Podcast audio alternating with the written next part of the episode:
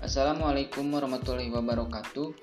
Kali ini kita akan membahas mengenai Tridharma perguruan tinggi di masa pandemi. Tidak bisa dipungkiri bahwa semua pihak yang menjalani perkuliahan daring mengalami kepanikan, baik dosen maupun mahasiswa sekalipun. Masalah teknis menjadi salah satu dari sekian banyak kendala dalam proses pembelajaran secara daring. Di antaranya kendala kuota, sinyal, hingga kendala dari aplikasi online yang dipakai. Untuk itu, berbagai macam persoalan mengenai pembelajaran jarak jauh membutuhkan adaptasi dan perubahan yang harus dievaluasi, terutama dari sisi penyiapan materi dan interaksi dalam ruang digital. Persoalan pemerataan akses informasi juga harus diperhatikan oleh perguruan tinggi terkait.